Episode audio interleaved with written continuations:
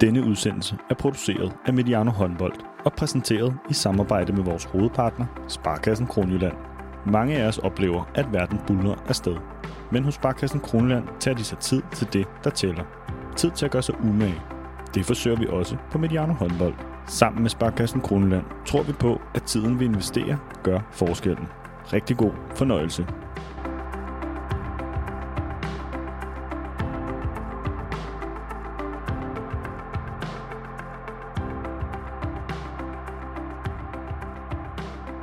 Velkommen her hos, øh, hos Dansk Håndbold, og tak fordi I har valgt at lægge øh, vejen forbi.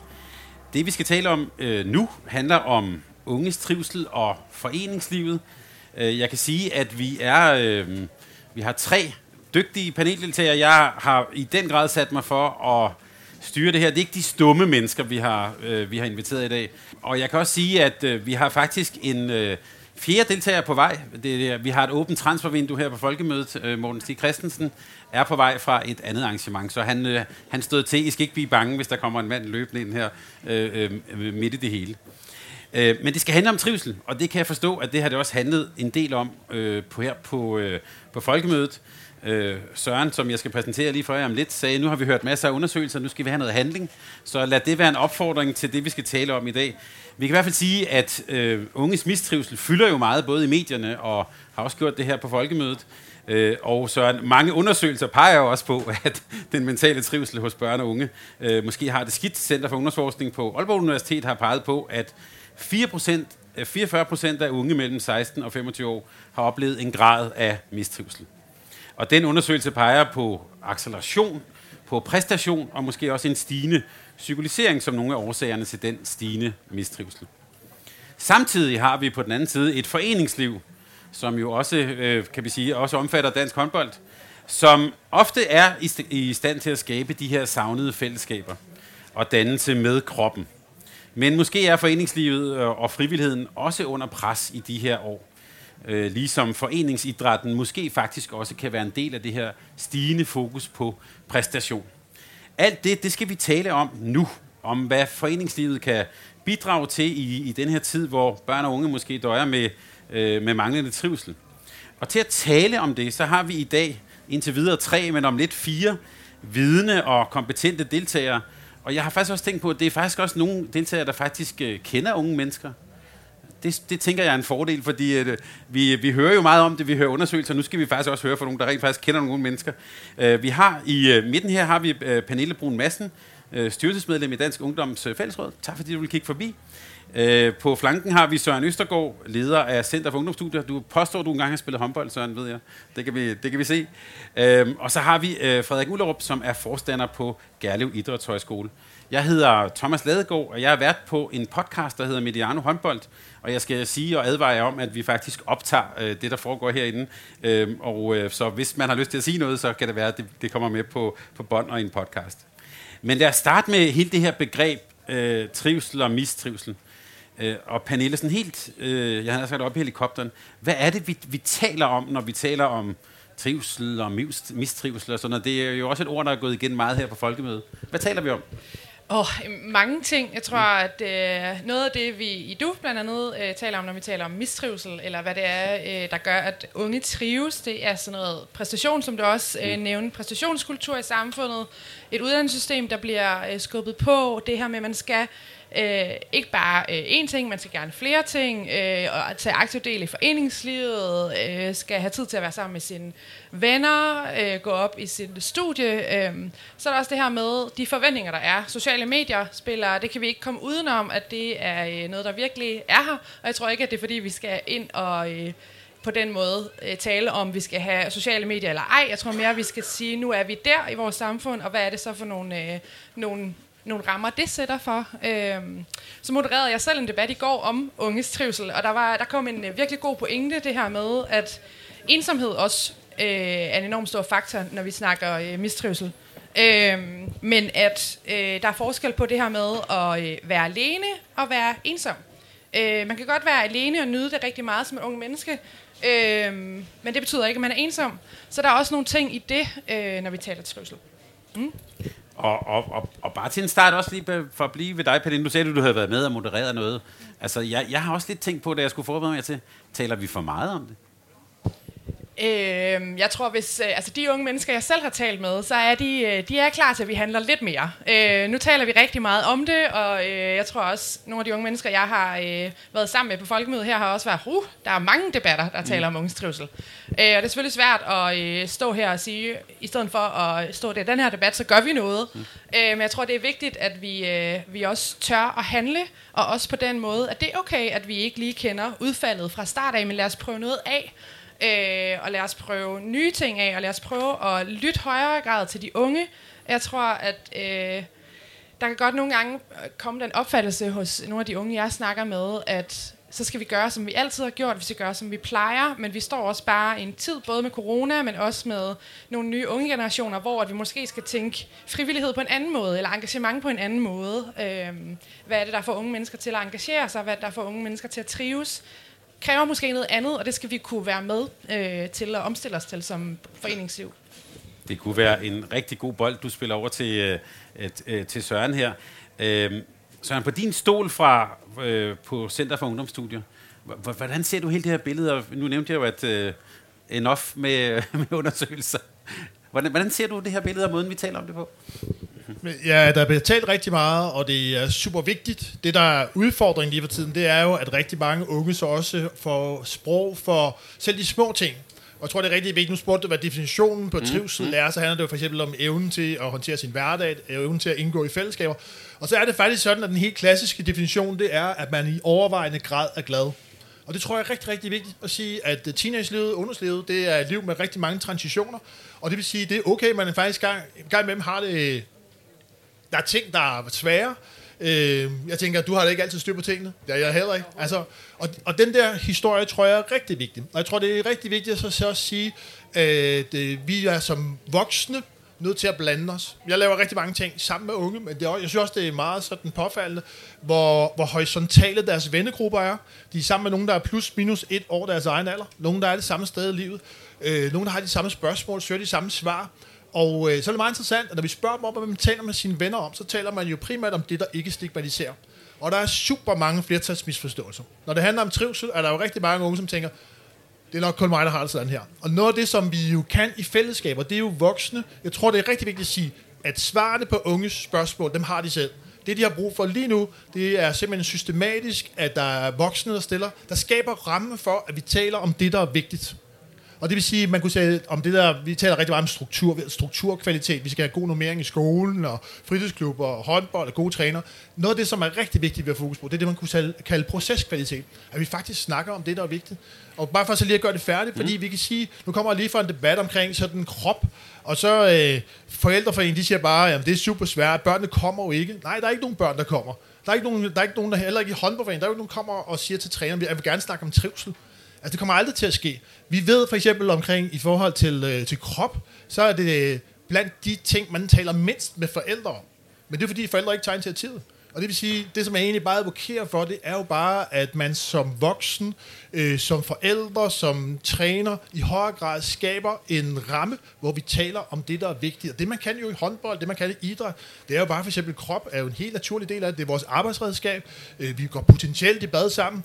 Og, og alle tænker fuldstændig det samme. Det er nok kun mig, der er fucked up, og egentlig har det elendigt med, med min krop. Så vi kan noget i det her fællesskab, og du skal nok vende tilbage til at sige noget mere om det, men, mm. men lige sådan i første omgang, husk, altså unge skal også huske på, at det handler om i overvejende grad at være glad. Det handler ikke om at være glad hele tiden. Bare, bare lige så jeg forstod det rigtigt. Det der med, at, at det taler vi ikke om i klubben. Øh, hvorfor gør vi ikke det? Fordi, man kan sige, det er jo ikke, det er jo meget få 11, 12, 13 år, der kommer til en træner og siger, hey Morten, jeg vil gerne snakke om krop og badekultur. Altså hør vi er nødt til at blande os, nu skal jeg passe på at ikke få duft på nakken, men voksne er nødt til at blande sig i unges fællesskaber. Og det handler jo rigtig meget om, at de er de der meget sådan horisontale venskaber, eller fællesskaber. Altså, jeg plejer at illustrere det med, jeg voksede jo bare op med nogen, der var ældre end mig. Jeg vidste jo godt, hvad jeg skulle på den lidt lange bane. Og nogle af snak, der blev taget den store vennegruppe, mens jeg lyttede. Det vil sige, jeg fik også sprog for, jeg fik også billeder på nogle ting. Øh, og i dag, så tror jeg bare, at så jeg voksede op med nogle legemestre, nogle kulturbærer. Altså inden jeg startede til fodbold, så kunne jeg tage 10 på foden, men det har de store drenge lært mig. Men de har også fortalt mig alt muligt om kærestesover, den første gang og alt muligt andet hejs. I dag så er det i høj grad de voksne, der er omkring øh, børn og unge, det vil sige forældre, øh, trænere, skole, skolelærer, som har den funktion at være kulturbærer, øh, legemester, og så i høj grad stille de spørgsmål, der gør, at man også i en ungegruppe, i en børnegruppe, taler om vigtige ting. Frederik, som øh, forstander på en idrætshøjskole, der møder du jo mange mennesker og har mødt mange mennesker over årene. Kan du genkende det her billede af mistrivsel? Øh, både og. Øh, jeg er jo så privilegeret, at jeg bor sammen med dem. Så alt det Søren snakker om, det er faktisk mit liv. Øh, og, og det er jo det specielle ved, ved, ved kostskoleformen og ved højskoleformen, og som også adskiller sig markant fra, fra foreningslivet, at øh, alle de steder der, som du efterspørger, dem har vi på en højskole.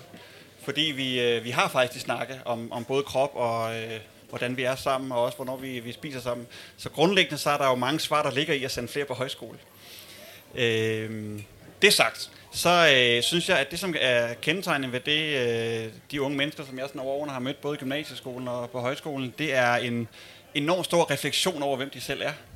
Og det er også en masse spørgsmål, som jeg kan sagtens genkende det, du siger, Søren, med, at, at de tror, at de er de eneste, der har det sådan. Men de tænker også sindssygt meget over, hvordan de har det.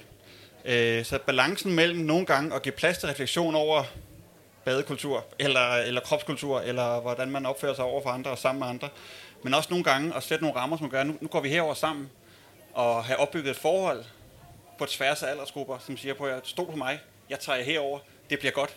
Det bliver måske lidt mærkeligt i starten, men vi ender et rigtig spændende sted. Det tror jeg er vigtigt, men det kræver tid. Og det er også derfor i en foreningshverdag, hvor der ikke er så meget tid, og hvor der er vildt mange andre ting, man skal nå, så når man sjældent til det nære forhold. Jeg tror, alle, der har haft en virkelig betydningsfuld træner i deres liv, har også oplevet, at det var vedkommende, som rykkede allermest ved dem, sammenlignet med en geografilærer, eller matematiklærer eller noget andet. Øh, så derfor bliver tiden sammen jo enormt vigtig. Og det er bare en faktor også i et ungdomsliv, hvor man skal nå enormt mange ting. Ja. ja, og egentlig bare for at sige, at vi ved så faktisk, at trænere, når vi ser på, hvem der er de bedste voksne i børn og unges liv, så er det selvfølgelig forældre. Når vi ser på, hvem der er den bedste sekundære voksne, så for dem, der går til foreningsidræt, så er det træneren. Og det er det simpelthen, fordi man er sammen med den samme træner, eller samme trænerteam, to, tre, fire gange om ugen. Det er, og det, og det vil sige, at der er en kæmpe potentiel impact det vi skal frem til nu, det er også der, man siger, vi har ikke brug for flere undersøgelser, Thomas. Mm. Vi har brug for at finde nogle helt praktiske modeller for, hvordan i verden får vi arbejder systematisk med trivsel. Nu har jeg lige været til det omkring spejlvenner. Altså fuldstændig øh, helt, helt nede på jorden øh, projekt, som jo handler om det der med, hvordan får vi lavet god badekultur. Øh, jeg kunne rigtig godt tænke mig sådan 25 håndboldklubber og sagde, det vil vi gerne prøve, fordi vi ved simpelthen, at det her med en at have det godt med sin krop, det er den enkelt faktor, der faktisk har allerstørst betydning i forhold til min oplevelse af livskvalitet. Fordi at unge tænker, det er det, jeg kan impacte. Jeg har selv kontrol over min egen krop. Øh, og jeg, jeg tænker, altså Frederiks historie omkring højskolen er jo fantastisk. Og det er det jo også omkring foreningslivet. Vi skal bare også være opmærksom på, at dem, der kommer både på højskole, endnu mere på højskole, end i foreningslivet, det er dem, der trives godt i forvejen. Nemlig. Fordi dem, der ikke trives, de går nemlig til fitness. Øh, og, de, og det er der, hvor man jo bare kan komme og være en del ikke af noget fællesskab, man gør nogle ting, og så gå hjem igen. Her har vi noget helt andet spil, og det der med at komme ind og være en del af et fællesskab, kan jo potentielt noget. Vi skal bare være rigtig gode til at være værter, der får flere børn og unge ind på en ordentlig måde, så de egentlig oplever, at her der passer jeg også ind. Pernille, du markerede, og Morten, du skal nok også få lov at komme. Men Pernille, du markerede, jeg kunne se, og du også nikkede før, da, øh, da, da Frederik fortalte om hans oplevelse. Ja, ja øh, jamen jeg har faktisk også selv gået på højskole, mm. øh, og det var, altså, det var et helt andet fællesskab, øh, man var sammen. Jeg tror bare, at øh, jeg, jeg kan genkende virkelig meget det der med, vi er nødt til øh, selvfølgelig stadigvæk at have samtalen, men vi er også nødt til at snakke, og begynde at snakke og handle på de barriere, vi oplever. Øh, og jeg tror, jeg er meget enig med, at øh, de unge mennesker, der, øh, der er, øh, vi har i dag, er enormt selvreflekterende og enormt seje. Øh, og også, altså også foran på nogle punkter i foreningslivet. Vi i DUF, der, øh, der arbejder vi rigtig meget med samværspolitikker og samværsregler, sådan for at tale om, hvordan er det, vi gerne vil være sammen. Det kan være badkultur, men også når vi er til fester, der er alkohol, og det er måske ikke alle, der, øh, der har lyst til det. Så har vi øh, samværspolitikker, og nu, øh, nu arbejder jeg til daglig øh, i en fagbevægelse, hvor at, øh, det virkede lidt mere fremmed for dem, øh, og snakke om samværspolitik, og hvor jeg sådan, det er vi da nødt til at have, eller sådan, vi er nødt til at være enige om, hvordan, øh, og fair nok, vi har en, øh, en seksuel chikanepolitik, men altså, det, samvær er meget mere end det. Øh, noget af det, vi i DUF øh, rigtig gerne vil for at sænke de der barriere, det er blandt andet sådan noget med at udbrede fritidspasset i kommunerne. øh, gøre det lettere for, for unge mennesker, der måske øh, ikke er ressourcestærke øh, og kan gribe mulighederne selv, give dem adgang. Hvis det er, det kræver, at, øh, at man kan have en støtteperson med, så skal der være mulighed for det. Vi skal sikre, at der er fysisk øh, adgang til alle aktiviteter. Det er heller ikke alle nu repræsenterer. Vi er jo 80 forskellige øh, organisationer. Øh, så det er også forskelligt, om man laver aktiviteter ude i naturen, eller indenfor på en klub, øh, eller står på en, øh, på en scene her på folkemødet og debatterer som, øh, som formand for et ungdomsparti. Øh, så det er de der barriere, vi skal have, øh, have sænket, om, øh, om det kræver noget ekstra øh, finansiering, om det kræver noget ekstra støtte, om det kræver noget ja, udvidelse af fritidspladsen i kommunerne, så, så er det i hvert fald noget af det, vi ser, der kan være øh, en mulighed øh, for måske at øh, få flere med, der ikke i forvejen er med i, øh, i de fællesskaber, vi, vi alle sammen repræsenterer. Frederik, jeg er faktisk ikke helt færdig med din pointe, og så, nu må du lige øh, rette mig, så hvis jeg har hørt dig forkert, men jeg hørte dig også sige, at det der med, øh, altså du har også unge mennesker, der er på vej, om man skal sige, til at blive voksne. Altså, så, så det der med at føle sig lidt udenfor, sådan, at jeg kunne spørge, er det ikke bare en del af det at blive voksen? Jo. Ja. Godt, tak. Og det, og det er også, øh, ja, ja, men nogle gange bliver man også ked af det. Og nogle gange så vil den pige, man godt vil kysse på, heller ikke kysse på en, og sådan Ja. noget, og så bliver man også ked af det. Det er øh, nogen, der har været udsat for. Ja, mm. øh, så, så, så jo, det er det. Øh, Jeg tror, pointen med, øh, øh, med det, jeg sagde før, at øh, det at være på en højskole er jo en, er jo en boble, så det er jo ikke sådan overførbart en til en. Der er bare noget over at turde være i snakken og finde tid og ramme til den snak, fordi det er fuldstændig rigtigt, at træneren er betydningsfuld, men det kræver så også, at træneren har mod til at gå ind i den snak. Og egentlig også acceptere præmissen om, at hvis jeg er træner for unge teenager, som i forvejen er dem, der pisker ud af alle foreningerne, så stiller det nogle andre krav til mig. Og det er der, det er spændende at snakke med nogle andre arenaer for ungdomsfællesskaber og sige, hvad gør I herover?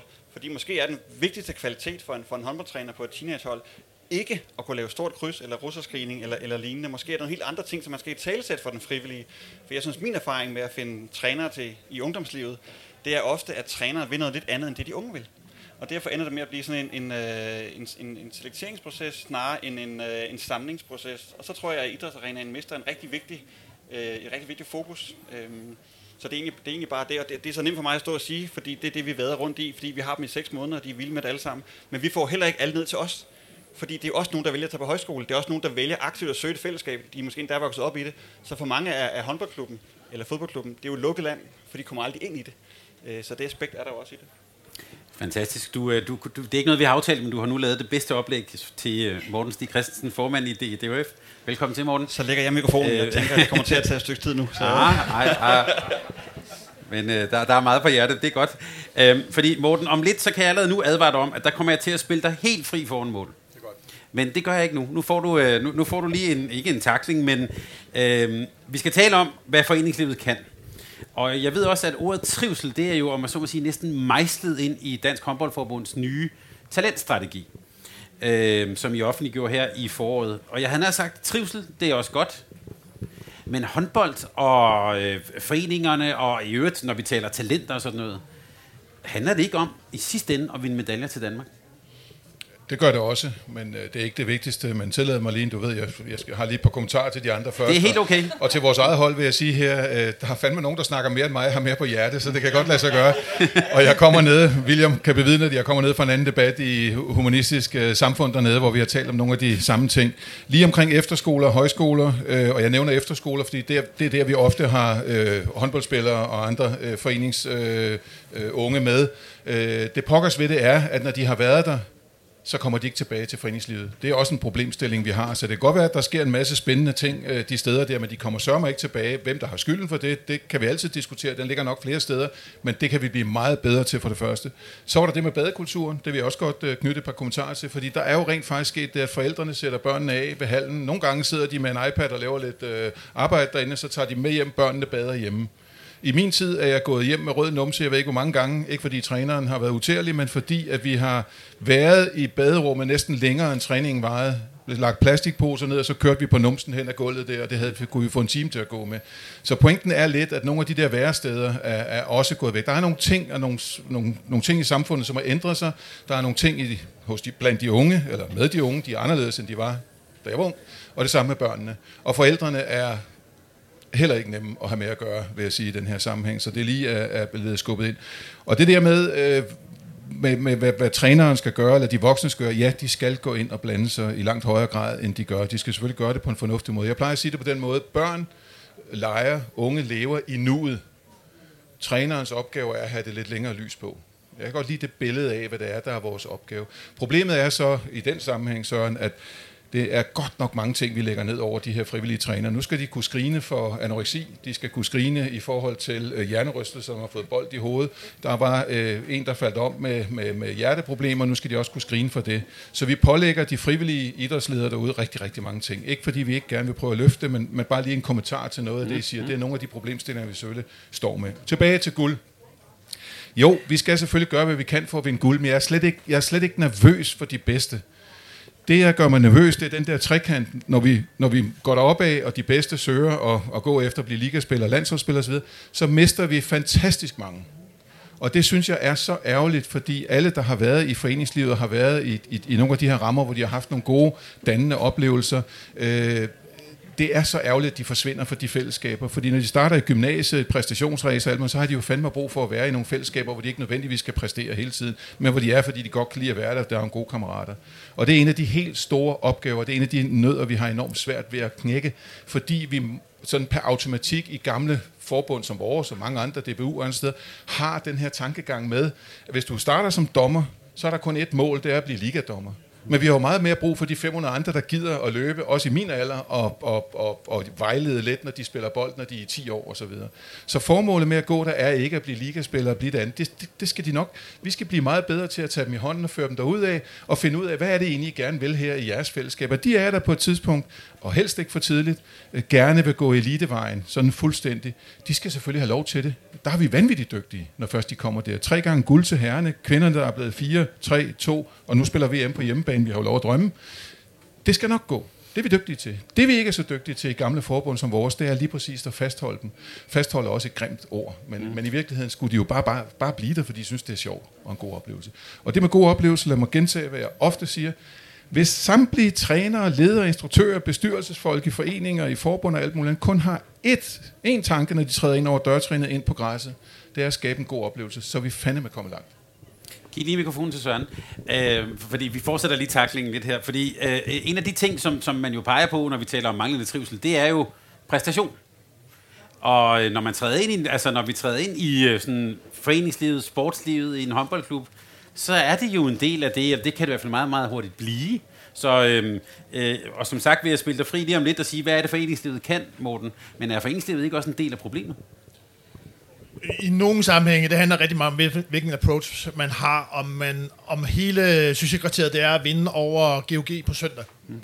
Hvis man har en meget bredere approach, og det vil sige, Morten har talt om den pyramideformede tilgang til idræt, reelt så skal vi have det, man kalder en ret angulær tilgang til idræt, Forstået på den måde, at den trekant, som Morten snakker om, den skal vi, vi skal ikke lave til en pyramide, det skal bare være en trekant, der er nede i hjørnet for dem, der gerne vil gå i elitesporet. Og så kan man sige, så skal vi have langt flere succeskriterier, hvor man sådan kan vinde. Jeg kommer selv fra et projekt, jeg har for nogle år siden startet HBK's satsning på kvindefodbold, øh, og der var det rigtig vigtigt for os fra starten, for jeg vidste jo godt, der var meget, meget få af mine 12-13-årige piger, der nogensinde kom til at spille på det ligahold. Jeg var simpelthen nødt til at sige, at der er langt flere succeskriterier. Øh, reelt er det tre i den projekt, jeg startede for seks år siden, der er tre, der har, har spillet på liga. Og det vil sige, at hvis jeg offrer hele projektet, bare for at finde en enkelt ligaspiller, så er der jo rigt, så er det jo hundredvis af piger, der bare går desillusioneret ud. Jeg har jo simpelthen brug for, at når de er færdige med at spille i Køge Boldklub, så har de lært alle mulige andre ting. Og det har vi egentlig været ret, ret tydelige omkring, hvad vi, hvad vi kan i forhold til det. I forhold til at træne kropsmod, i forhold til at kunne sige noget foran forsamling. Alle de ting har været super vigtige for os. Og det, som jeg egentlig synes, når jeg egentlig er lidt træt af rigtig mange undersøgelser, så er fordi, vi har simpelthen, Morten han har brug for at finde 10 håndboldklubber, der gerne vil lave nogle modeller for, hvordan i verden gør vi det her. Hvordan får vi integreret det her spejlvenner, sådan så vi har snakket om kultur. Hvordan finder vi faktisk nogle trænere? Der, jeg finder jo, jeg møder rigtig mange faktisk meget fornuftige håndboldtrænere. Jeg plejer at sige til Morten, at fodboldtrænere, de er jo marginalt dummere end håndboldtræner. Der er langt højere, langt højere kvalitet øh, i håndbold. Ikke? Også meget sværere at, under, at træne og sådan noget. Men der er jo rigtig mange håndbold, håndboldfolk, der rigtig gerne vil det her. Øh, vi er bare nødt til at finde nogle helt funktionelle modeller. Og hvis man skal prøve at give et eksempel på det, for jeg er jo med på, det er ligesom i folkeskolen, det er, når de skal undervise både klima og klamydia, så, så lærerne det kan heller ikke mere. Og det er lidt det samme, du siger her.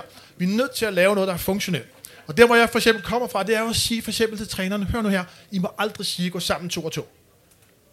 Det kan de ikke. Vi, vi træner nogle børn og unge, der relationelt er i meget dårlig form. Jeg er nødt til at sige, hey, I to, I går sammen. I to, I går sammen. Så skaber jeg inkluderende miljøer. Egentlig bare som eksempel på, at vi er nødt til at lave noget, der er helt funktionelt i hverdagen på U12-holdet, i uh, fucking leder i smørum, eller et eller andet hul i jorden.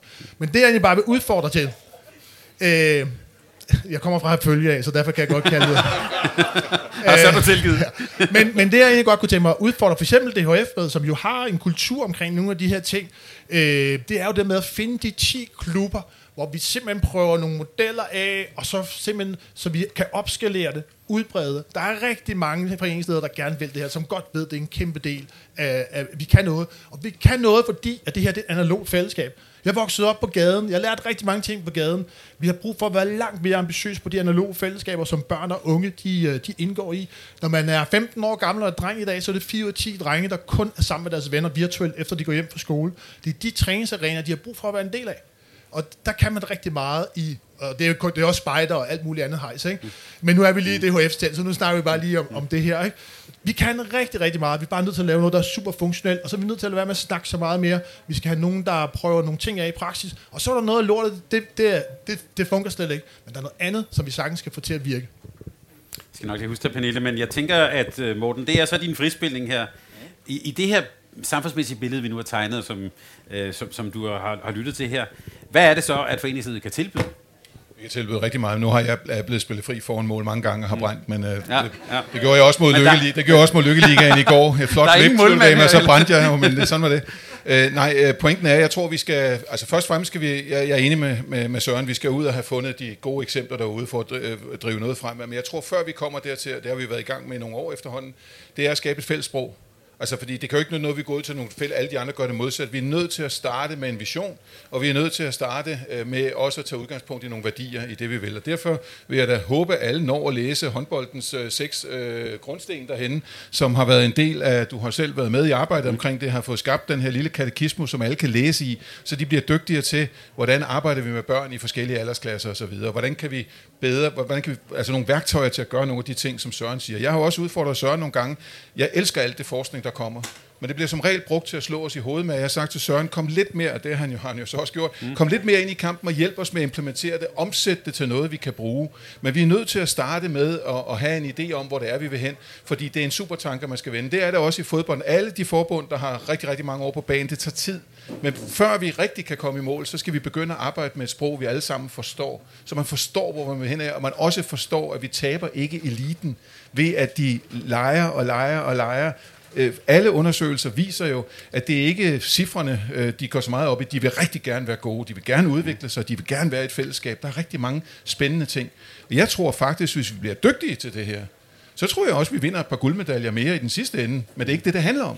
Det handler i nuet om at skabe nogle rigtig gode oplevelser. Vores problem er lidt, at der desværre er flere, der falder over i den gruppe, man kalder ikke foreningsparate. Vi står jo alle specialforbund og fisker efter de samme. Øh, vi har jo egentlig en opgave med at komme det. Dem, der ikke rigtig kan se, de kan træde ind over døren. Så også folk på min alder, folk med livsstilssygdomme, de går sgu da ikke lige ned i håndboldklubben, fordi det er jo et meget kompleks sport. De har jo set i fjernsynet, hvor- hvordan det ser ud, man slår hinanden ihjel. Vi skal jo ud med det narrativ, der handler om, at de rent faktisk kan gå ned sådan noget håndboldfitness eller five side, hvor man spiller med sådan en bold. Prøv at lade en bold gå rundt, prøv at mærke på den. Alle kan tage den bold og spille med den. Den går ikke ondt, det går ikke ondt at stå på mål. Og spillene er tilpasset, så det ikke ligner det i fjernsynet. Spiller på mindre baner og så videre, så videre. Så ja, det fortvivlende er, at vi har alle aktiviteterne, der kan tilpasses alle øh, grupperne. Det, der er opgaven nu, når vi er i gang med det fælles sprog, det er at få det ud at leve. Frederik, foreningslivet, er, er det overhovedet svaret på alle de udfordringer, jeg taler om her? Eller hvordan ser du det? Jamen, jeg tænkte på, at du spurgte før, om, om, om foreningslivet var en del af problemet. Mm. Øh, jeg er sådan 250 procent foreningsmenneske, så jeg mm. synes overhovedet ikke, det er en del af problemet. Øh, jeg synes, det er sindssygt vigtigt, øh, og jeg synes jo, at vi har alle undersøgelser, der også viser, at det er en del af, af løsningen. Måske ikke for alle, og måske ikke i alle rammer, så måske er der også noget med at acceptere, at det, der er noget, det kan, og der er noget, der ikke kan. Øh, jeg synes, at i, i forhold til det, du siger, Morten, så er det, det er jo fuldstændig rigtigt. Altså, når man, når man går fra vidensniveau til at få det gjort i praksis nede på halvgulvet, det er bare enormt svært. Der er vildt mange undersøgelser, som viser noget om gode drengemiljøer, gode pigemiljøer, god børnetræning, og vi er sådan et, et segment, som snakker om det herop, øh, og alligevel så er der nogen, der ikke får det gjort, fordi de har et andet take på det, ofte baseret på, at de selv har været voksenspillere engang, og det tager de så med ned på, på, på børneniveau. Ikke? Så det er bare sådan en helt legitim udfordring. Jeg tror, jeg fører det er alle steder. Men der er noget om at tale foreningslivet op på det, det er rigtig godt til. Øh, og jeg synes, at en af de ting, som foreningslivet er verdensklasse til, både for de børn og unge, der dyrker idræt, men også alle de frivillige omkring, det er sådan set at øve sig på at gøre noget for andre. Mm. Altså, så den kultur er enormt vigtig. Den finder vi ikke så mange andre steder, og den tror jeg er enormt vigtig at tale op, at der er andre årsager til at dyrke håndbold, end at kaste og gribe, eller at, at få sød på panden og, og, og vinde eller lignende. For jeg synes jo, noget af det, som håndboldforbundet lykkes enormt godt med, er at fjerne fokus i det, vi er gode, som du siger, vi er gode til at vinde guldmedaljer. Det må man jo sige, at, at, at det er håndbold, der er ret god til. Der er noget andet, som er, som er sværere at lykkes med, fordi tankerne er jo rigtige. Øh, og der tror jeg generelt, at vi skal være gode til omkring foreningslivet at sige, I, I skal være med, men præmissen skal vi holde fast i. Grundstenen i foreningslivet er, at det er et frivilligt drevet projekt, hvor man rækker ind mod midten, og hvor man bidrager med det, man kan. Og de børn, der vokser op i det, skal også finde glæde ved det. Så så tror jeg også, at vi får nogle væresteder. Hvis ikke bare det er et produkt, man køber, hvor forældrene venter ude ved parkeringspladsen, så kører hjem bagefter, men hvor børnene og de unge også de frivillige oplever, det forventes faktisk, at jeg er her, og opdager, at når jeg giver noget af mig selv, så får jeg enormt meget tilbage igen. Fordi så får vi en katalysator for, så er det ikke kun 10 klubber, fordi sådan nogle projekter er også gode, med sådan nogle, de, de er rigtig gode til det her i fucking leder i smørum. Og så står jeg i fucking kø og har præcis det samme problem. Men jeg har ikke de der tre frivillige, som er dem, der gør, at det virker rigtig godt Det leder også i om. Så derfor er det jo en, en grundlæggende præmis om, hvordan man laver foreningsliv, som er i langt højere grad er vigtigt at tale op. Og der tror jeg, man kan med rette sige alle steder, fra øverste niveau i samfundet til laveste niveau i samfundet, at foreningslivet det er et sted, hvor vi gør noget for andre. Det tror jeg faktisk er en, er en vigtig præmis, og det adskiller det markant fra en fitnessindustri, som også i høj grad suger øh, eller tilbyder nogle arenaer, som er langt mere attraktive for de unge, fordi der ved man ligesom, hvad man får, og der skal ikke forpligte mig så meget, så det spejler meget godt den der ene ting, som du snakker om, Søren. Øhm, så, så, så det synes jeg er, er en enormt vigtig præmis for, øh, for foreningslivet. Jeg synes ikke, det er et problem med foreningslivet. Jeg synes, det er enormt godt. Godt. Søren og så Pernille. Ja, man kan sige, noget af det, der er jo rigtig vigtigt, det er jo, at vi kommer væk fra hele den præstationstænkning, og egentlig bare sige, at det er en udviklingskultur. Og det er meget interessant, at når vi sådan, nu har vi fået lov til at kigge på de data, hvor man har fulgt øh, håndboldspillere igennem lang tid. Man har haft sådan et projekt, hvor man har fulgt årgang 0, øh, 00 og 01. Og det er jo meget interessant at se. Det er jo cirka halvdelen, de spiller jo primært for håndbold, fordi de egentlig bare synes, de ligger væk på det, der sker i fællesskabet. Og vi ved faktisk, der er sådan, stort set alle undersøgelser viser det samme omkring, hvad for nogle fællesskaber man trives i. Det er sådan nogle, man selv har valgt. Det er nogen, hvor man bliver dygtigere, det vil sige, at man går hjem. Men, og dygtigere handler ikke kun måske om håndboldfaglig dygtighed, men altså gå gladere og dygtigere hjem. Det kan også være, at få et nyt ansvar på holdet eller noget helt tredje. Så dygtighed er en vigtig ting. Så skal have en god relation til, øh, til træneren, og så skal det være trygt. Og alle undersøgelser viser fuldstændig det samme. Og det jeg egentlig bare udfordrer Morten på, jeg er helt med på jeres visionsgrundlag og alt det der. Jeg kunne godt tænke mig, at vi kom derned, hvor at vi faktisk fandt noget, der var så funktionelt. Så at der faktisk, i stedet, i stedet for at vi skal finde flere frivillige, Frederik, at du faktisk har nogle 12 trænere, der tænker, det der, det kan jeg godt integrere som en del af min træning. Øh, det, fordi hvis vi skal ud og finde alt det, så kommer der ikke til at ske en skid. Vi er nødt til at arbejde med dem, som vi, som vi har derude nu. Og jeg synes bare, nu har jeg været en del i håndboldmiljøet, jeg synes faktisk, der er rigtig mange ideologiske ildsjæle, som gør rigtig, rigtig mange ting. Og det, vi har brug for nu, det er nogle historier fra neden, mm. der egentlig inspirerer til, øh, til en lidt anderledes praksis, som hænger sammen med en virkelighed øh, ude i også de helt små, de helt små foreninger. Og jeg, jeg tænker, at og når jeg så egentlig bare siger det med, at trænerne de er dygtige, jeg synes, jeg oplever rigtig mange dygtige håndboldtrænere. Jeg synes, jeg oplever rigtig mange teams omkring øh, træner, som jo vil rigtig gerne vil det her. De tænker bare, hvordan i alverden kommer jeg i gang med det projekt. Og det er egentlig bare at prøve at sige til Morten der, lad os prøve at se, om vi kan udvikle noget, som gør, at man helt konkret på tirsdag kan gøre noget. Ikke om fucking tre måneder eller seks måneder, ikke? men på tirsdag. Det kan Morten lige få et, par, et, et minut eller to til lige at tænke over. Det, kan Pernille, meget, det, det gør vi så. ja, men Pernille, du markerede før. Jeg, Ja, det var fem minutter siden. Nu skal jeg forsøge at få min pointe ind alligevel. Eller sådan, Sorry. Øh, ja, fordi jeg synes egentlig, det er, øh, det er et ret interessant pointe i dit spørgsmål, du stillede omkring, når men vi snakker trivsel, kan man så også snakke om at vinde guld? Og det, det mener jeg godt, vi kan. Altså det handler, nu snakker vi selvfølgelig meget om, at vi ikke skal have et præstationssamfund, men øh, vi har forsøgt i DUF at være sådan, når man, det er ikke fordi, vi skal have præstationsfrie rum, men vi vil gerne skabe præstationsfede rum. Altså det her med at tale op, hvordan ikke øh, nødvendigvis, at man vinder hver kamp, men lige præcis som, øh, som du også siger, hvad er det for nogle øh, frirum eller fællesskaber, vi kan skabe, hvor at, at man kan udvikle sig, og hvor de unge kan få plads til øh, at få nogle oplevelser med, med at præstere på nogle fede måder. Øh, og jeg tror, at det er... Øh, nu, øh, nu snakker vi selvfølgelig meget håndbold. Den kan godt være med på, at jeg er selv fra en øh, meget stor håndboldfamilie, øh, og har spillet rigtig længe. Øh, nu fik jeg også lov til at spille i torsdags. Mm. Øh, og det kan bare noget. Jeg er vild med det. Altså, jeg har øh, skrammer og blå mærker på benene, øh, og fået lov til at takle Jesper Nødsvor, så det kan noget. Det er mega fedt. Øh, og jeg savner at spille håndbold. Grunden til, at jeg ikke spiller håndbold, er fordi, at jeg skulle flytte fra, øh, fra Nyborg, hvor jeg er fra, øh, til Aarhus og starte studie. Og jeg ville helt vildt gerne starte håndbold igen. Jeg kunne ikke overskue det at skulle ind på et øh, socialt kvindehold. Fordi det er med svært. Du kommer automatisk ind, skal være, øh, skabe nye relationer med, øh, og du, altså automatisk så kommer du og tager en andens plads, eller skal i hvert fald kæmpe for en anden plads. Så der er også noget i det, altså hvordan kan man også øh, gribe den, øh, så det ikke er... Fordi det var ikke selve håndbolden, der gjorde, at jeg ikke spillede øh, håndbold. Det var simpelthen det sociale. Eller sådan det, jeg kunne simpelthen ikke overskue at skulle, øh, skulle finde rundt i det igen. Øhm, så det der med også at kunne understøtte, om det så er konkret øh, håndboldtrænere, men generelt, altså de seje ildsjæle og frivillige, der tager så meget ansvar for at skabe de her rum, hvordan kan vi også understøtte dem i, øh, om det så er, jeg tror ikke nødvendigvis, at øh, det er fordi, de bare skal uddannes helt vildt i at kunne, kunne navigere i alle de øh, situationer, de kommer i, men der er noget i det der med også at gribe dem og klæde dem på til at, øh, at stå over for de udfordringer og kunne gribe, hvis, hvis jeg kom der og var sådan, jeg vil rigtig gerne spille håndbold, men jeg synes, det er lidt svært at overskue, at jeg skal øh, skabe nye relationer ind på et hold, hvor at, øh, jeg fra start af bliver set som konkurrent for nogen.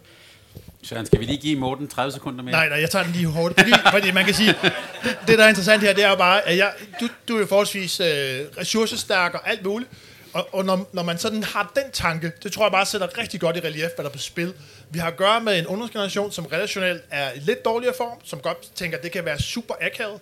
Og noget af det, vi har brug for, det er jo for eksempel, at der er en helt fast skabelon omkring, hvordan vi tager imod. Altså værtskab. Værtskab er, fritidspædagogisk værtskab er bare et super centralt begreb. Og jeg, jeg tænker bare, hvis man kan få 15-årige drenge nede i brugsen til at sige, skal du have bongen med og have en god dag? Det kender, kender det alle sammen så kan man virkelig godt få trænere til også at sige, hey, velkommen ind i fællesskabet, og vi skal jo hive folk. Altså det her med, at man har en boldbody, er jo helt centralt. Man bruger det gymnasiet, det har haft kæmpe impact i forhold til ensomhed. Man, jeg, jeg er jo selv fra en klub, hvor, vi fra, hvor man er U9, så har man en boldbody, men det har vi også på vores anden divisionshold, hvor alle pigerne, de har spillet på absolut øverste ungdomsniveau, U18, DM Liga. Øh, de, halvdelen af dem går på universitetet de siger bare, at det er mega akavet at komme ind på et nyt hold. De er super ressourcestærke. Det er egentlig bare for at sige, hvor stor udfordringen egentlig er, og derfor er vi nødt til at bygge nogle broer gennem noget værtskab, og der er trænere, der godt kan det her.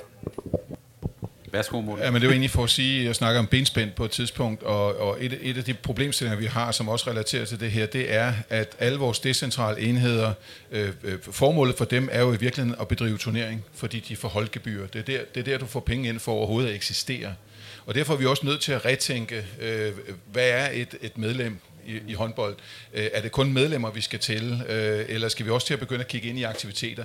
Fordi hvis det kun er medlemmer på den gammeldags måde, så er der ingen grund til, at vi går ud i børnehaver og laver trille projekter eller gør andre ting, fordi vi kan jo ikke starte med at sige, nu skal du være medlem af en forening. Øh, mm. Altså, vi er nødt til at starte nogle aktiviteter op, hvor vi, hvor, hvor vi egentlig starter det op, fordi aktiviteten er fornuftig, og det skaber nogle fællesskaber, som er enormt spændende. Så det, det betyder jo også, at, at, at hvis du ikke har lyst til at spille kamp hver eneste weekend, så er problemet jo, at vi har nogle turneringsstrukturer, der gør, at vi har fortløbende turnering. Du skal fucking spille hver eneste weekend. Vi har mange 18-19-årige drenge, som ikke mere, altså som ikke kom til at gå hele vejen, men som egentlig gerne vil være et fællesskab. Men de orker ikke at spille, for der er altså bare nogle weekender, hvor de har været til festival, der spiller de ikke. Mm. Så vi skal jo have arrangeret, at de spiller på en anden måde i nogle stævner, eller møder hinanden på kryds og tværs, og så måske får en øl bagefter, eller tale med dem om, hvad fanden vi kan gøre for, at det bliver øh, mere attraktivt for dem at, at, at være med. Fordi det er jo også nogle af dem, der er med til, hvad skal vi sige, at gå ind og tage lidt ansvar. Jeg savner også, når vi snakker diversitet, at vi kommer til at kigge lidt mere på det med alder. Altså, at vi, at vi tør give dem meget mere ansvar. Det skal jo ikke hver eneste gang være folk på min alder, der selvom jeg siger, at vi skal selvfølgelig blande mig, jeg skal nok blande mig i nogle ting, men jeg skal heller ikke blande mig en gang imellem, hvor de ikke forstår, hvad det er, jeg siger, fordi jeg kommer fra en anden generation. Mm. Altså, som jeg plejer at sige, de tror, det er bedstefar, der er blevet lukket ind her. Selvfølgelig har jeg noget på hjertet, de gider lytte til, men, men der er også andre ting, hvor vi skal have nogen, der er mere i øjenhøjde. Øh, og det tror jeg er vigtigt. Frederik, nu er det jo fantastisk at også have en højskolemand her. Både foreningsmand og højskolemand, og det... Øh, Ja, og, og jeg er en forstander. Ja. Det er super heldigt. Øh, øh, så uden der skal gå alt for meget kold og grundvig i den her, men, men, men det slog mig lige, altså både højskolen og det danske foreningskultur. Morten beskrev det som en, en supertanker. Øh, ja, ja, og altså det er jo øh, store mastodonter i det danske samfund. Jeg er meget spændt på spørgsmålet. Ja, det er man. Du kan godt se, kold grundvig, og nu kommer den. Øh, øh, Men det er faktisk et relativt øh, lige til spørgsmål. Okay. Det er jo noget, der er 150 år gammelt. Er det stadig tidsvarende i, øh, i 2023? Hvad siger du er 150 år gammelt? Øh, altså, jeg tænker på øh, foreningskulturen, højskolekulturen, Ja. øh, de tanker, der lå fra, øh, fra Grundtvig og Kold. Ja. Om det er stadigvæk... Holder det nu? Ja. Men, men, Ja. men jo ikke, hvis vi bruger de ord, vi brugte for 150 år siden. Altså, så der er jo en enorm vigtig oversættelse i at finde ud af, hvad, det var også det, jeg prøvede at sige før med, hvad, hvad er foreningslivet egentlig i dag? For det er jo også bevægelser og, og motorik og, sådan noget. Men, men, men de tanker, som handler om grundlæggende om fællesskab, og vi tror på, altså højskolen er jo en institution, hvor samfundet giver os penge og støtter os til at få nogle unge mennesker ind, fordi man tror på, at det er værdi for samfundet på længere sigt. Og man kan sige det samme om foreningslivet hvor med folkeoplysningsloven, at vi også støtter foreningslivet. Det står jo på en grundlæggende tanke om, at vi får et bedre samfund af, at folk dyrker idræt i forenings og folk kommer på nogle frie skoler og lærer noget om fællesskab. Så det er i høj grad relevant. Og jeg tror i forhold til det med, med du snakkede med at, at snakke transitioner, Søren, før, og dem er der enormt mange af, især i ungdomslivet. Og det er svært at, at starte op i en ny klub. Altså noget af det, som, som, som vi går rundt i lige nu, vi siger farvel til vores elever på lørdag, alle er kede af det og har haft det med afstand bedste periode i deres liv nogensinde. Øh, og så flytter de alle, sammen. Alle, alle hører det. Alle. Så flytter de til cirka fire byer bagefter, hvor de kender hinanden. Og så siger de til hinanden, hey, skal vi starte til beachvolley, eller skal vi starte til håndbold, eller skal vi starte til fodbold? Så nogle af de steder, hvor det er svært at komme i gang, kunne man måske komme i gang, hvis man kendte nogen i forvejen. Så jeg tror også, der er nogle oplagte partnerskaber på tværs af foreningslivet og skoleverdenen eller højskoleverdenen, fordi de er ældre. Det efterskole er en anden problematik, og det ved jeg godt, Morten, at den, den, øh, det har noget andet over sig, fordi at de kommer meget idrætsaktive og vender tilbage til den samme klub. Men hos os, der kommer de jo ikke tilbage til den by, hvor de kommer fra. Så der er også noget med at samle sådan en ungdomsgeneration op i, i 20'erne, som, øh, og lade foreningslivet være der, hvor man mødes. Men hvis nu kender en 3-4 stykker i forvejen, så tror jeg, det er nemmere at starte. Øh, så, så, så den pointe, synes jeg, er, er vigtig at få med også. Det tror jeg, du er helt ret i. Hvis jeg skal tænke på, hvordan jeg er blevet engageret, både øh, i håndbold, men alt det, øh, altså jeg startede som foreningsaktiv, da jeg var 14, øh, det er simpelthen ved, at der er nogen, der har taget mig med, og været sådan, skal du ikke lige med til det her? Det, det tænker du vil være helt vildt god til. Så der, der er helt vildt meget i det der med relationerne i forvejen, og når vi så ikke kan fordi det tror jeg ikke på, at vi kan nødvendigvis, øh, altså det er i hvert fald noget af et stort arbejde, at sikre, at der er relationer, der kan få nogen ind alle steder. Hvad kan vi så gøre? Hvordan kan vi så klæde på til, at øh, indgangen føles, øh, føles imødekommende og tryg, og som, øh, som noget, man gerne vil?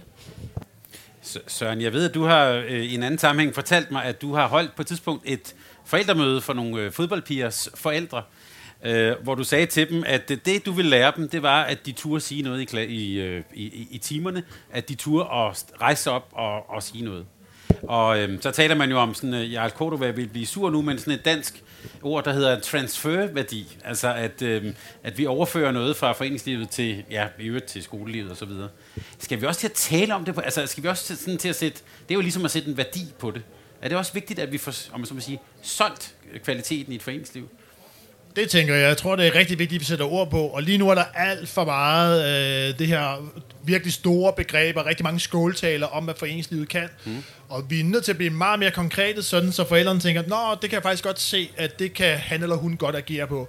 Og det du, det, du refererer til, det er jo, at jeg har sådan set egentlig været med til at bygge et, et fodboldprojekt op, hvor vi egentlig tog udgangspunkt i, at vi ville gerne lære piger at række hånden op. Og det handlede om, at vi vidste allerede fra 3. klasse, så var der under halvdelen, der rækker hånden op, hvis de ikke er helt sikre. Det interessante er, jeg tænker jo bare, grund til, at man ikke rækker hånden op, det er jo, at man kan, man kan svare forkert. Det kan man jo ikke til fodbold, som, hvor jeg kommer fra. Hvis jeg spørger dig, hvordan var det med den finte, så det er din helt egen kropslige oplevelse. Du kan ikke svare forkert.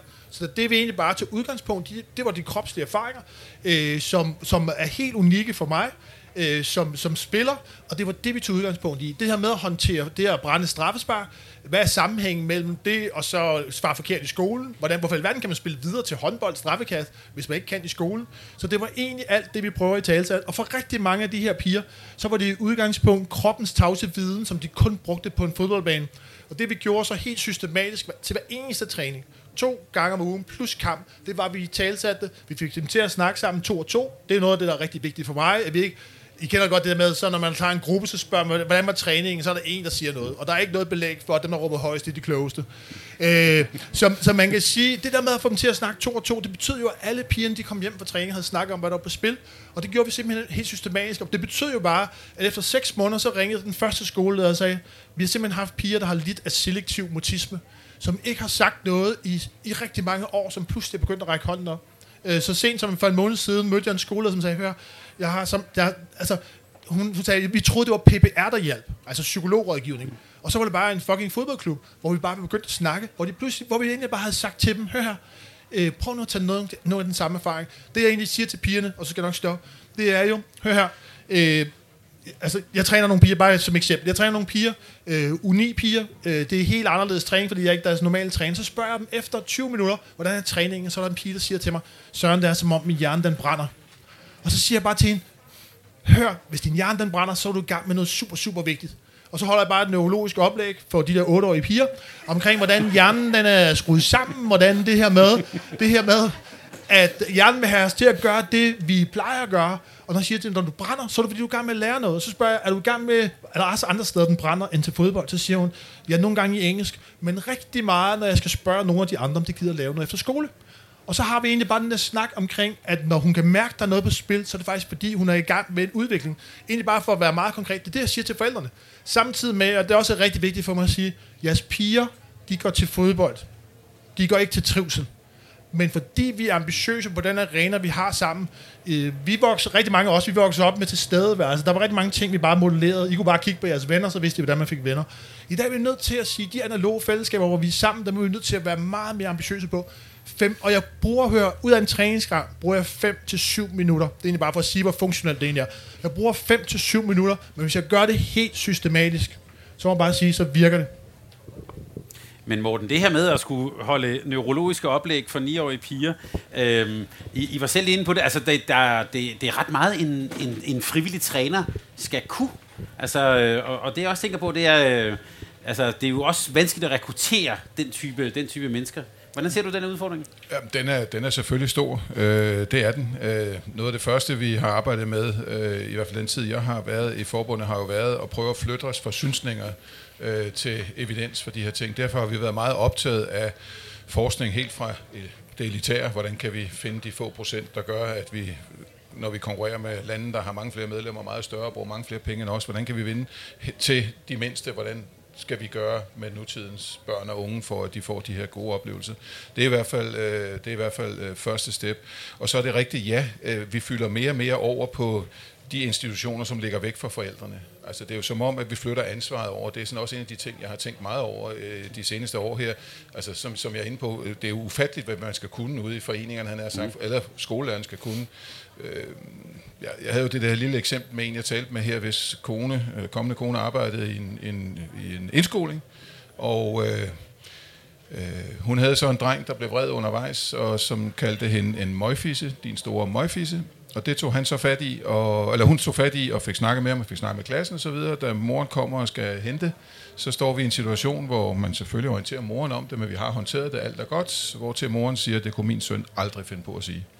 Og så det, det er jo en det, det er jo en stor opgave at gå ind øh, i de her ting. Og så synes jeg også, vi skal være lidt optaget af, hvis projekt er det, øh, når, når for eksempel børn går, går til. Er, er det et forældreprojekt? Er det faren, der aldrig blev landsholdsspiller, som nu skal have sønnen til at blive landsholdsspiller, for at sætte det på spidsen? Er det trænerens projekt, der har ambitioner om at blive den næste Nikolaj Jakobsen, så det er enormt vigtigt at vinde C-rækken i U11? Mm.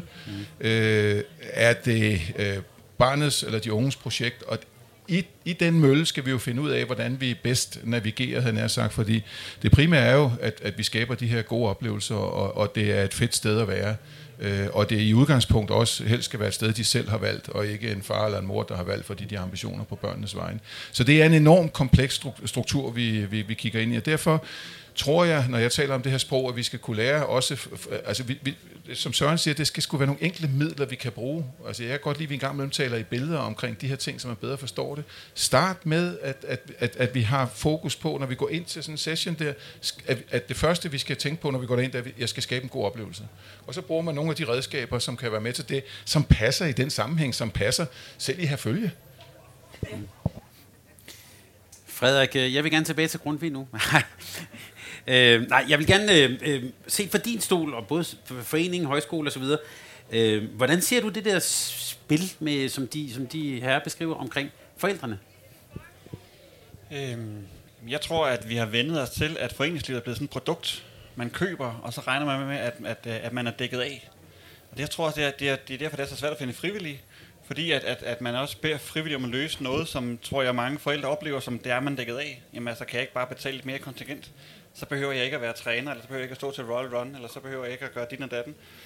Og så står et par stykker af os til sidst, som godt vil være ildsjæl, og bruger al tiden på andre folks børn, og gør det glædeligt, for det er enormt givende, men der er bare for få hænder. Så jeg, jeg tror, det er kernen i det, at tale op, at, øh, at der er sådan en, en forventning. Det er også det, jeg sagde før, at det er, det, det er et sted, hvor vi øver os på noget, som vi også kommer mange andre til glæde, men også kommer os selv til glæde. Øh, udfordringen er jo, at nogle forældre har, eller forældre har meget forskelligt at byde ind med. Øh, men der er tit en forståelse af, at det at være frivillig i en klub kræver nogle øh, øh sådan, øh, øh, kompetencer selv, ofte fra den idræt, man er, er træner i. Og det du siger, Morten, med at være, lave gode oplevelser, det kan vi alle sammen. Altså vi har jo alle sammen mere eller mindre vellykket børnefødselsdag eller juleaften bag os, så vi er jo i stand til at lave gode oplevelser. Øh, nu skal vi så bare gøre det i en halv eller på en fodboldbane i stedet for. Og det tror jeg er vigtigt at sige, at øh, du skal også være med. Din søn er startet, du skal også være med. Velkommen i klubben. Altså du er også med få en masse forældre ind allerede fra starten i, i børneårene og lave træning, som handler om at få en masse forældre med. Jeg har aldrig været tilhænger af det der med, at øh, på mit hold, der beder alle forældrene om at gå.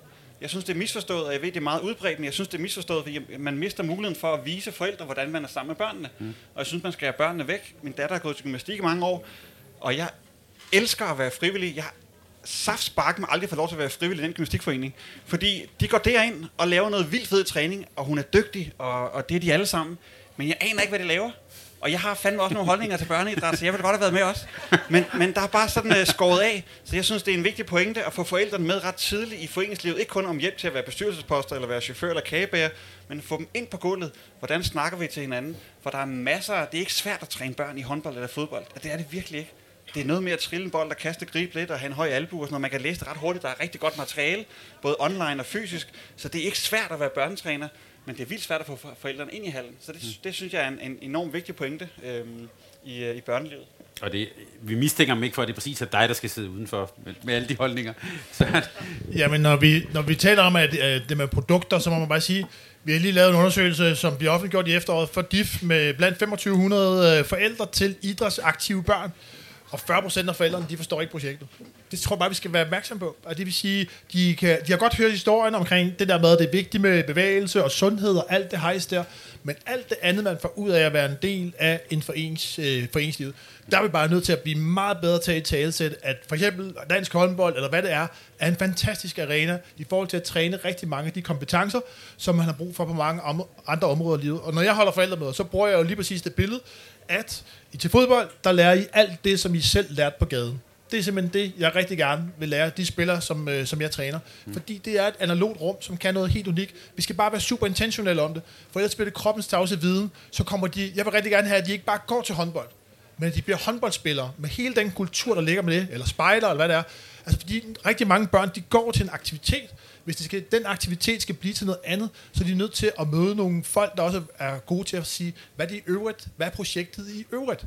Og så skal jeg love Morten, at han skal nok få spillere, der vinder guld. Det er fordi, hvis man kan få dem til at sige, hvis jeg bare går gladere og dygtigere hjem hver eneste gang, så skal vi nok få landsholdsspillere. Plus vi får en masse børn og unge, som er super glade, øh, når de går i skole og alle mulige andre steder. Er du enig, Morten? Øh, ja, fuldstændig. Altså, det, jeg har aldrig været bange for, for eliten i, i den sammenhæng. Jeg tror øh, inderligt på, at jo flere glade børn og unge vi har, der har en, en stor oplevelse ved at og, og, og i det hele taget udvikle sig og blive bedre håndboldspillere, øh, så er det ikke noget problem i den sidste ende. Og jeg synes jo også, at med nogle af de tiltag, vi har lavet, også vores øh, ta, øh, ta, talentstrategi osv., øh, peger jo også ind i, at, at nu selekterer vi dem jo ikke alt for tidligt. Nu venter vi med at gøre de her ting, og der bliver også udtaget flere første gang, de bliver udtaget, så vi følger dem længere. Havde vi gjort det, som man gjorde det for mange, mange år siden, så var Gissel jo aldrig blevet landsholdsspiller. Han var sgu for lille og for tynd, og havde de der mærkelige spaghettiarme og, øh, og så videre. Og Pytlik, som nu er kommet, han var heller aldrig kommet igennem det her, fordi de kunne helst være to meter. Fordi de der to meter drenge, der var to meter, det var 12 år, de lavede jo mange mål jo. Så det var dem, man havde fokus på. Jeg tror, vi skal have et bredere fokus, fordi der er nogen, der kommer senere.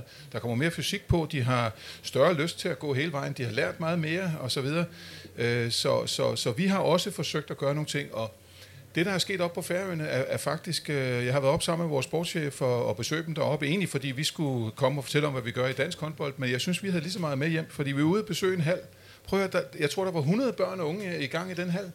De brugte jo altid i den hal. Nogen vil sige, hvad fanden skulle det ellers lave på Færøerne? Men, men det gør de, og de får lov til det.